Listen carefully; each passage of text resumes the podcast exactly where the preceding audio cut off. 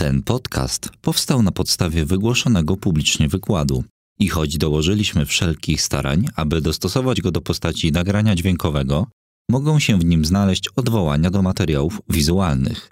Życzymy przyjemnego odbioru. Granice nauki. Przełomy w nauce. Odkrycie promieniotwórczości. Przed i po. Barbara Petelens.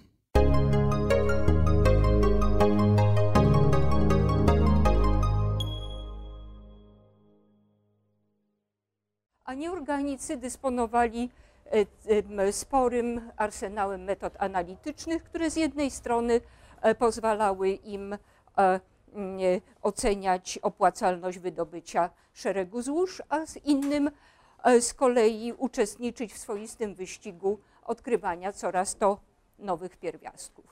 Jeśli chodzi o fizykę, to fizyka zawsze jest w pewnym sensie przed chemią i Fizyka miała się jeszcze lepiej, jeżeli chodzi o narzędzia poznawcze i takie kompendium ówczesnej fizyki e, przedstawił Alfred Daniel w podręczniku wydanym w Londynie w roku 1884. Przekład polski ukazał się w Warszawie trzy lata później, korzystała z niego młoda Maria Skłodowska. Było to kompendium ówczesnej fizyki od mechaniki klasycznej e, poprzez naukę o cieple, aż po elektryczność i magnetyzm. I wynikało z niego, że z takich fundamentalnych uogólnień fizyki, e, na przykład zasada zachowania energii, to była już uważana absolutnie za pewnik. Jeżeli chodzi o sprawy szczegółowe, oczywiście było ich bardzo dużo, ale na przykład e, ludzie już umieli wytwarzać wysokie napięcia, wiedzieli, wiedzieli, jak poruszają się ładunki w polu elektrycznym lub magnetycznym. E, również umieli opisać matematycznie światło jako fale i znali promieniowanie niewidzialne, podczerwień i ultrafiolet. Środkowy rozdział tego podręcznika był poświęcony budowie materii.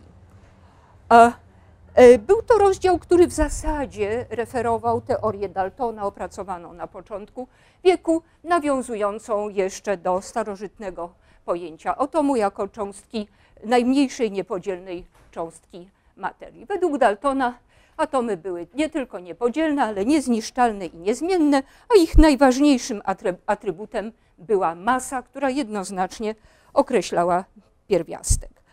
Cały rozdział, około 40 stron, nie chyba nawet dokładnie, e, poświęcony jest właściwie argumentom za teorią atomistyczną. Tak jakby autor chciał przekonać tych ludzi, którzy jeszcze teorii atomistycznej byli przeciwni. A może trudno uwierzyć, ale do końca XIX wieku znajdowali się tacy i to najczęściej niestety wśród chemików. Natomiast z drugiej strony wielu fizyków zadawało pytanie, odwrotne. To znaczy, e, materia, którą możemy zważyć, jest ziarnista. Ale czy przypadkiem ziarnista nie jest również elektryczność, której nie można zważyć? Przesłanki po temu wynikały prosto z odkrytych przez Faradaya praw elektrolizy, gdzie e, masa e, substancji wydzielonej na elektrodach jest oczywiście proporcjonalna do ładunku, jaki przez układ przepływa.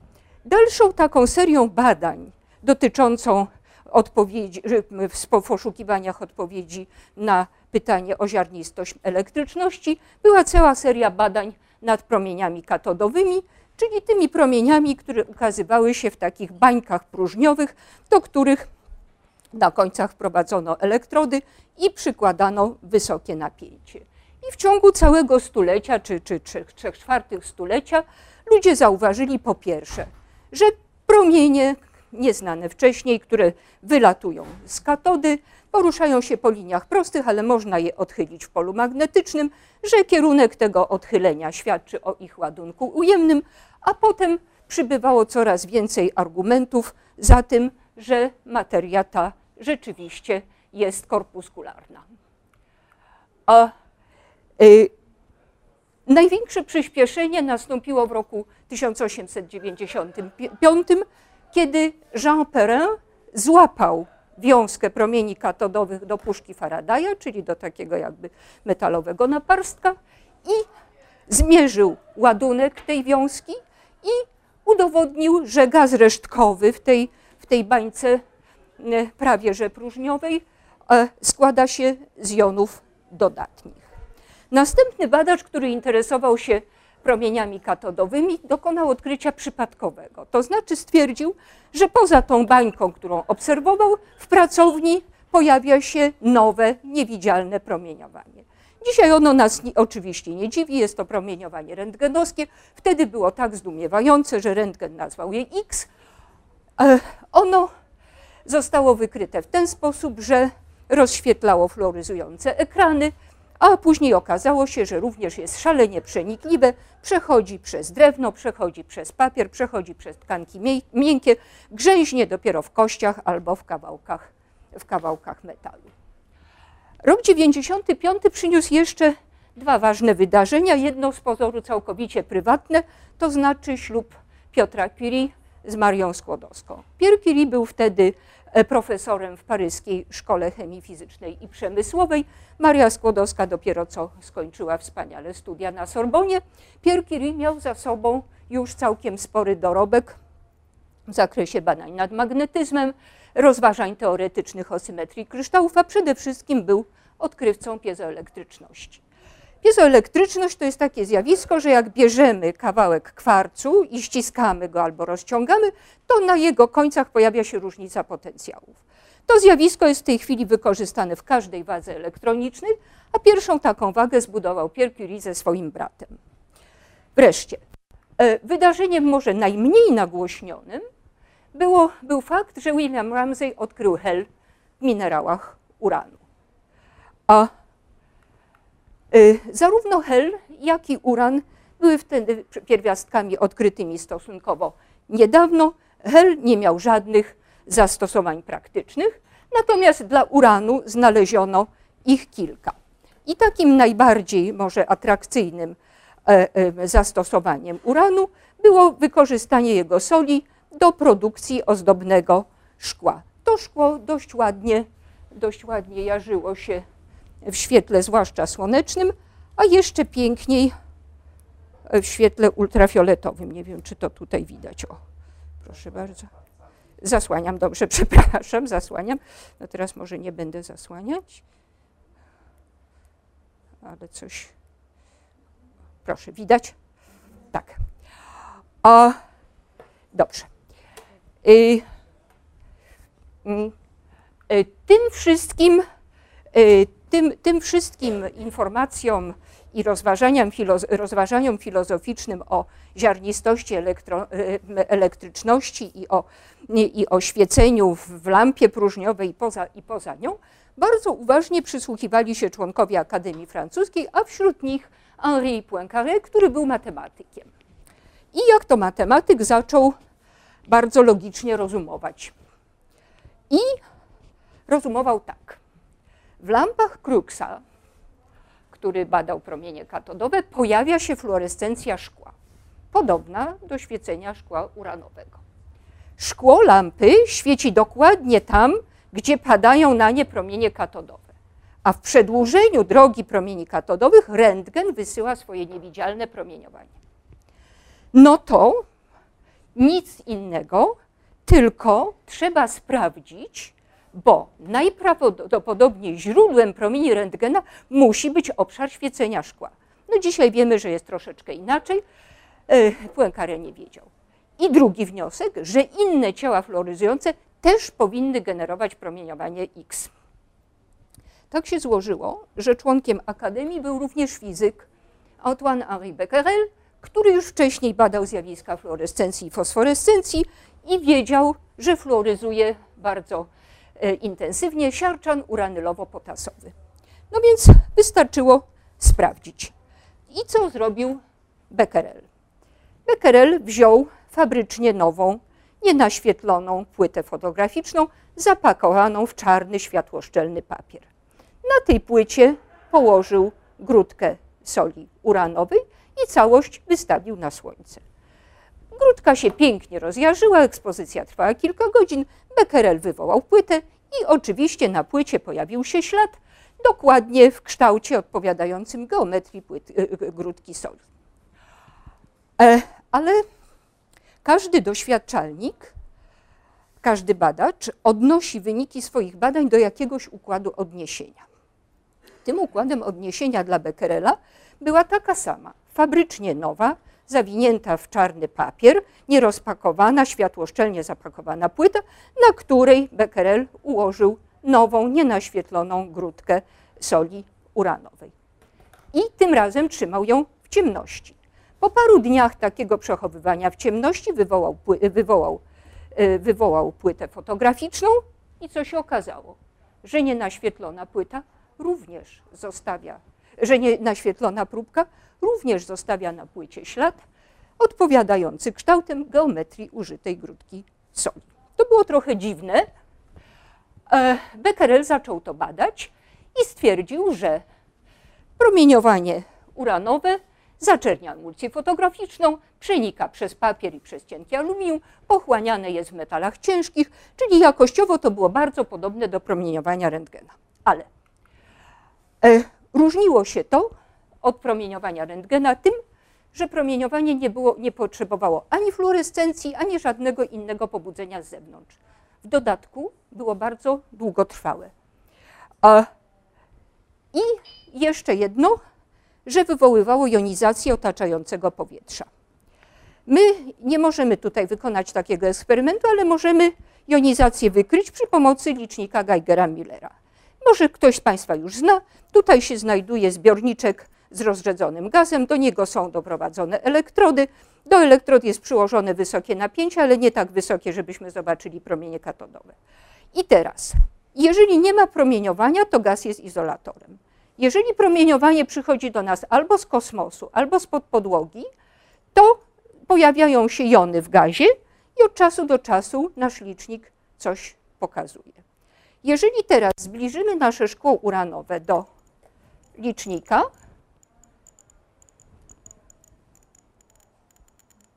to usłyszymy i zobaczymy, że wskazania licznika rosną. E, tylko proszę się nie bać, bo z punktu widzenia ochrony radiologicznej to jest wszystko absolutnie bezpieczne. To znaczy liczba zliczeń około 20 to, na, to, to nadal jest bardzo mało. Ta próbka jest bardzo daleko od Państwa, nie mówiąc o tym, że e, uran jest tak dobrze wtopiony w szkło, że ja go nie rozniosę na palcach, proszę bardzo. Licznik nie widzi jakiegokolwiek skażenia moich palców, bo po prostu zobaczyć tego nie może. Y, ale jeżeli chodzi o badania Becquerela, to e, po z grubsza roku pracy e, jakoś przestał się tym tematem interesować i zajął się czym innym, w szczególności skoncentrował się na badaniu promieni rentgena, którymi zajmowała się wtedy całkiem spora grupa innych fizyków też. E, nastał rok 97 i e, w tym czasie J.J. Thomson już całkowicie potwierdził, że promienie katodowe mają charakter korpuskularny, że te małe cząstki nazywają, e, później te małe cząstki nazwano elektronami, a J.J. Thomson i niezależnie od niego Emil Wichert zmierzyli wartość masy do ładunku elektronów, która okazała się prawie 2000 razy mniejsza niż stosunek masy do ładunku dla e, jonów wodoru. E, w tym samym roku Maria Skłodowska-Curie szukała tematu do swojej pracy doktorskiej i uznała, że taki temat, nowy całkiem, ale porzucony nawet przez jego odkrywcę, to jest dla niej doskonały temat do doktoratu. I postanowiła przede wszystkim sprawdzić, co w promieniowaniu uranowym tak naprawdę świeci i ile tego świeci i zastosowała metodę jonizacyjną, ale ponieważ nie istniały jeszcze wtedy liczniki Geigera, musiała sobie poradzić inaczej. Zbudowała właściwie pierwszą na świecie komorę jonizacyjną. To znaczy jedna płytka metalowa, która była połączona y, z układem wysokiego napięcia, druga płytka metalowa połączona z elektrometrem. Na pierwszą płytkę sypała y, sproszkowaną próbkę. I jeżeli próbka była promieniotwórcza, to między płytkami płynął prąd. E, ten prąd był mierzony w bardzo sprytny sposób, to znaczy przez porównanie z prądem, który był wytwarzany przez odpowiednie, o przepraszam, przez odpowiednie obciążenie wagi piezoelektrycznej, tej właśnie, którą zbudowali Pierre i Jacques Curie. E, no i tą metodą Maria Skłodowska przebadała kilkadziesiąt próbek znanych wtedy pierwiastków albo ich związków oraz około 20 próbek różnych minerałów, o których było wiadomo, że zawierają uran. I wyniki dostała następujące. E, po pierwsze, że spośród wszystkich przebadanych pierwiastków promieniotwórcze są dwa. Uran i tor.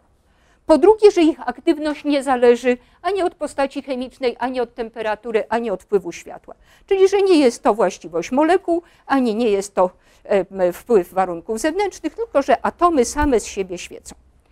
E, I trzeci wynik, że natężenie mierzonego przez nią prądu jest proporcjonalne do zawartości uranu próbku, próbki, w próbce, ale z ważnymi wyjątkami. W szczególności takim wyjątkiem był przepraszam, był minerał zwany halkolitem, który prosto z kopalni wzięty wykazywał ogromną promieniotwórczość, a syntetyzowany z tlenku miedzi, tlenku uranu i kwasu fosforowego wykazywał normalną, taką jak wynikała ze stężenia uranu. No i stąd właściwie był krok do pomysłu, że należy wobec tego sprawdzić, czy przypadkiem ta nienormalna e, radioaktywność nie pochodzi od jakiegoś nowego, innego pierwiastka.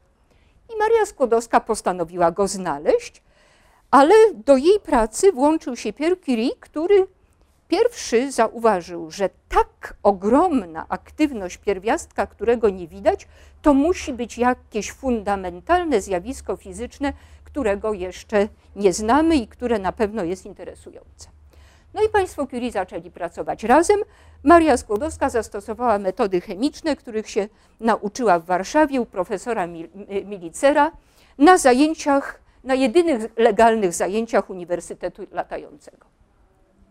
Oczywiście Państwo nie muszą tutaj e, śledzić tego całego schematu. Ważne jest to, że pod koniec bardzo żmudnej procedury Maria Skłodowska znalazła E, promieniotwórczy pierwiastek we frakcji najtrudniej rozpuszczalnych siarczków razem z bizmutem. E, te dwa siarczki udało się je rozdzielić przez destylację. Siar, promieniotwórczy pierwiastek Maria Skłodowska nazwała polonem. Było go mniej niż 1%. Było go mniej niż 1 miliardowa w stosunku do masy uranów w całości. Ale w tej frakcji, która nie tworzyła siarczków, też znajdował się pierwiastek promieniotwórczy. Maria Skłodowska nazwała go radem i tym razem trzeba było go oddzielić od baru przez bardzo żmudną krystalizację. No i teraz mamy koniec stulecia, przychodzi rok 99, Współpracownik państwa Curie, André de Bierne, jeszcze w odpadach po wydzieleniu radu odnajduje nowy pierwiastek promieniotwórczy aktyn, ale tak naprawdę to ludzie interesują się przede wszystkim e, torem, uranem, a tak najbardziej radem, bo on świeci najmocniej i można go zobaczyć, bo polon też mocno świeci, ale go nie widać. No i teraz wobec tego e, należy popatrzeć na naturę tego promieniowania. E, jaka ta natura jest? No, ludzie już znają. Znają promieniowanie rentgenowskie, znają promienie katodowe. No to popatrzmy. Zacznijmy od porównania z promieniowaniem rentgenowskim, czyli popatrzmy na przenikliwość.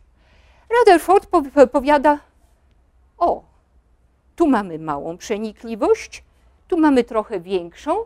Villar odkrywa promieniowanie o kolosalnej przenikliwości. Nazywamy je po prostu alfa, beta i gamma. E, to jest analogia z promieniami rentgenowskimi. Nie bardzo bliska, ale trochę. E, to teraz popatrzmy, jak te promienie zachowają się w polu. Przede wszystkim magnetycznym. E, włączają się kolejni badacze i dochodzą stopniowo do wniosków, że promieniowanie alfa to są cząstki dość ciężkie i mają ładunek dodatni. Że promieniowania beta to też są cząstki, ale z ładunkiem ujemnym. Okazuje się, że wszystkie własności mają takie same jak elektrony opisane przez J.J. Thomsona. Wreszcie promieniowanie gamma nie odchyla się wcale, nigdzie, w żadnym polu ani elektrycznym, ani magnetycznym. Badania idą dalej. Włącza się do nich Ernest Rutherford, który stwierdza, że tor, trochę zapomniany pierwiastek, wydziela promieniotwórczy gaz. Ten gaz nazwał emanacją, my go dzisiaj nazywamy toronem albo mówimy o izotopie radonu 220. Wkrótce razem z Frederikiem Sodim stwierdza, że e, e, emanację wydziela również rad. Te emanacje nazywamy dzisiaj radonem albo mówimy o radonie 222. Mało tego. E, emanacja toru powstaje nie bezpośrednio, tylko przez jakiś inny pierwiastek, który panowie roboczo oznaczyli jako tor X. A potem obie emanacje, każda inaczej, zmienia się jako, zmieniają się w jakieś inne pierwiastki. To zjawisko, tak trochę żartobliwie nazwali transmutacją i w tej chwili mówimy o szeregach przemian promieniotwórczych. Tutaj jeszcze jest z książki, z, z monografii Rutherforda oryginalne rysunki, jak, to, jak te przemiany wyglądały z ich punktu widzenia. W tym samym roku Frederick Soddy razem z Sir Williamem Ramsayem stwierdzają, że preparaty radu są ciągłym źródłem produkcji helu. To jest podobne do wcześniejszego odkrycia Ramseya, który odkrył, odkrył hel w złożach uranu. To jest trochę tajemnicze, no przestało być w momencie, kiedy Rutherford z Roycem stwierdzili, że cząstki alfa to jest ni mniej, ni więcej, tylko właśnie dwukrotnie zjonizowany hel. W maju 1903 roku Maria Skłodowska-Curie obroniła swoją pracę doktorską. A jesienią tego samego roku Komitet Noblowski postanowił przyznać Nagrodę Nobla z fizyki e, Becquerelowi za odkrycie promieniotwórczości i państwu Curie za jej zbadanie. I tutaj właściwie można podziwić, jak wspaniale Komitet Noblowski docenił to, co odkrył Becquerel i to, co zbadali państwo Curie. Bo to był właśnie przewrót. Na czym polegał? No na tym, że na początku wieku XIX panowała, e, e, została zaproponowana przez Daltona teoria atomistyczna. Jeszcze do końca XIX wieku nie wszyscy zdążyli w nią uwierzyć. Tymczasem na początku wieku XX Maria Skłodowska pisze w swoim doktoracie, że atomy polonu i radu, wysyłając promieniowanie, pozbywają się energii i cząstek materii. To jest sprzeczność z pierwszym założeniem Daltona. Atomy polonu i radu nie są niepodzielne. Potwierdza to Rutherford. Niektóre atomy wydzielają promieniowanie, wydzielają ciepło, wydzielają emanację, więc nie są niezmienne i wieczne. E, kolejne założenia, że jeden pierwiastek to są atomy o identycznych masach, a jeżeli są różne masy atomowe, to różne pierwiastki. A tu przychodzi rok 1910 i J.J. Thomson umieszcza w polu magnetycznym zjonizowane atomy neonu i stwierdza, że dla jednych stosunek stosunek masy do ładunku odpowiada masie 20 e, jednostek, a dla innych 22. Czyli z tego wniosek, że nie wszystkie atomy jednego pierwiastka są identyczne. Takie nieidentyczne atomy jednego pierwiastka Frederick Sody nazywa izotopami. Czyli już nie mogą ludzie definiować pierwiastka przez jego masę atomową. No i oczywiście już teraz tak nie robimy, definiujemy go przez ładunek, przez ładunek jądra. Ale to nie wszystko. E, Rutherford w swojej monografii napisał o cieple wydzielanym przez rad. Wcześniej zauważył to Pierre Curie i z Albertem Laborde zmierzył, ile tego ciepła jest. Okazało się, że jest około 400 jouli na godzinę na gram radu. To się potwierdziło i w Kanadzie, i w Niemczech, i w Szwecji. Ludzie byli zdezorientowani bo to przeczyło rozumieniu zasady zachowania energii. Maria Skłodowska w doktoracie jeszcze napisała, że nie wie skąd pochodzi ta kolosalna energia wewnętrzna radu, ale że każdy atom jest stałym źródłem energii. Dzisiaj wiemy, że nie stałym, tylko bardzo długotrwałym, ale rzeczywiście w tamtym okresie czasu wydawało się, że to się nie zmienia. E, w swoim wykładzie noblowskim Pierre Curie e, powiedział, że ilość ciepła wydzielonego przez rad jest ogromna. No to popatrzmy, jak dalece ogromna. Ludzie znali reakcję spalania. Przy reakcji spalania węgla efekt energetyczny to jest e, niecałe 400 kJ na mol. Przeliczymy to na atomy, na jeden atom węgla w elektronowoltach wychodzi około 4, troszeczkę ponad 4. A teraz popatrzmy, jak wygląda energia kinetyczna cząstek alfa radu. Dla jednego rozpadu radu na jeden atom, tak samo jak było na atom węgla, energia kinetyczna cząstki alfa to jest trochę ponad 4, ale milionów elektronowoltów. A rad nie jest jedynym emiterem cząstki alfa. Rozpada się do radonu, rozpada się do radonu, który też wysyła cząstkę alfa, i do, a on z kolei do polonu, który wysyła cząstkę alfa. Potem powstaje ołów, który wysyła cząstkę beta, bizmut, który wysyła cząstkę beta i tak dalej. Tutaj w skali logarytmicznej pokazany jest wykres tych energii, porównanie. Tu energia spalania węgla, a tu jedna cząstka alfa, druga, trzecia cząstki beta z maksymalną energią, znowu alfa, znowu bety, znowu alfa.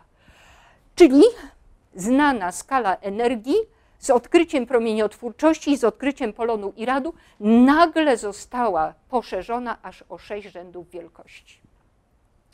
I to nas, następny skok w tej skali energii nastąpił w roku 1938, kiedy Otto Hahn i Fritz Strassmann odkryli reakcję rozszczepienia jąder uranu 235. Ale e, z tego odkrycia wynikła oczywiście energetyka jądrowa i niestety również broń jądrowa. O tym już dzisiaj nie będę mówić. I już dzisiaj tylko nadmienię krótko, że e, inne przełomy, które jak gdyby zostały pociągnięte przez odkrycie promieniotwórczości, to był przełom w medycynie radioterapia onkologiczna, która zaczęła się od tego, że Henri Becquerel lekkomyślnie poparzył się radem, który w fiolce schował do kieszeni, do kieszeni kamizelki. Pierre Curie zrobił kontrolowany eksperyment, kiedy on sam sobie na przedramieniu położył, położył rad i zaczął obserwować. Pierwsze próby kliniczne zaczęły się niemal natychmiast. Od tej pory mamy coraz piękniej rozwijającą się, kontrolowaną swego czasu przez Marię Skłodowską-Curie radioterapię onkologiczną. Za to właściwie Maria Skłodowska-Curie zdobyła największą sławę i największą miłość ludzi. A no, nie powiem, chociaż to jest też piękna historia, jak Rutherford e, odkrył jądro atomowe dzięki temu, że cząstki alfa pochodzące z polonu, zamiast przechodzić przez folię złotą, e, zaczęły się od niej odbijać. E, nie opowiem, jak Bertram Boltwood, e, rozważając tempo przemian kolejnych członów szeregu uranowym, opracował metodę określania wieku skał i właściwie pierwszy pozwolił określić w sposób wiarygodny wiek Ziemi. Nie opowiem, jak Georgi von Hevesy wykorzystał znaczniki izotopowe najpierw do badania procesów fizjologicznych w roślinach, po, potem do innych organizmów żywych i jak z tego e, narodziła się medycyna nuklearna. I tylko wspomnę, że cząstki alfa z polonu posłużyły państwu Joliot-Curie do odkrycia tak zwanej promieniotwórczości sztucznej, a właściwie do stwierdzenia, że na jądrach aluminium zaszła reakcja z cząstkami alfa i że powstał promieniotwórczy izotop fosforu 30. Ten izotop promieniotwórczy jest emiterem beta, ale jest emiterem cząstek beta o ładunku dodatnim. Pozytonów. Pozytony są antycząstkami elektronów. Pozytony zostały odkryte przez Andersona dwa lata wcześniej i są przy pierwszym znanym ludzkości przykładem antymaterii. Antymateria w zetknięciu z materią znika. Pozyton z elektronem oddziałuje przez, przez pewien czas, po czym ich masy znikają, a pojawia się energia promienista w postaci dwóch kwantów, kwantów gamma. Czyli mamy tutaj kolejne odkrycie, uogólnienie, wielkie uogólnienie fizyki, e, e, rozumienie masy jako formy energii. I na tym dzisiaj zakończę. Zastanawiam się czasem, e, czy Becquerel, obserwując swoje zaczernione płyty, domyślał się, że to jest sprawa fundamentalna. O Piotrze Curie wiadomo, że w momencie, kiedy e, e, Maria zaczęła wykrywać bardzo intensywne promieniowanie nieznanych pierwiastków, że coś się święci.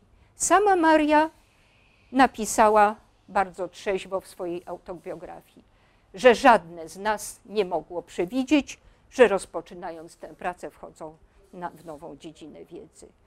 Krótko mówiąc, nauka sprawia czasem wielkie niespodzianki. Dziękuję Państwu bardzo za uwagę.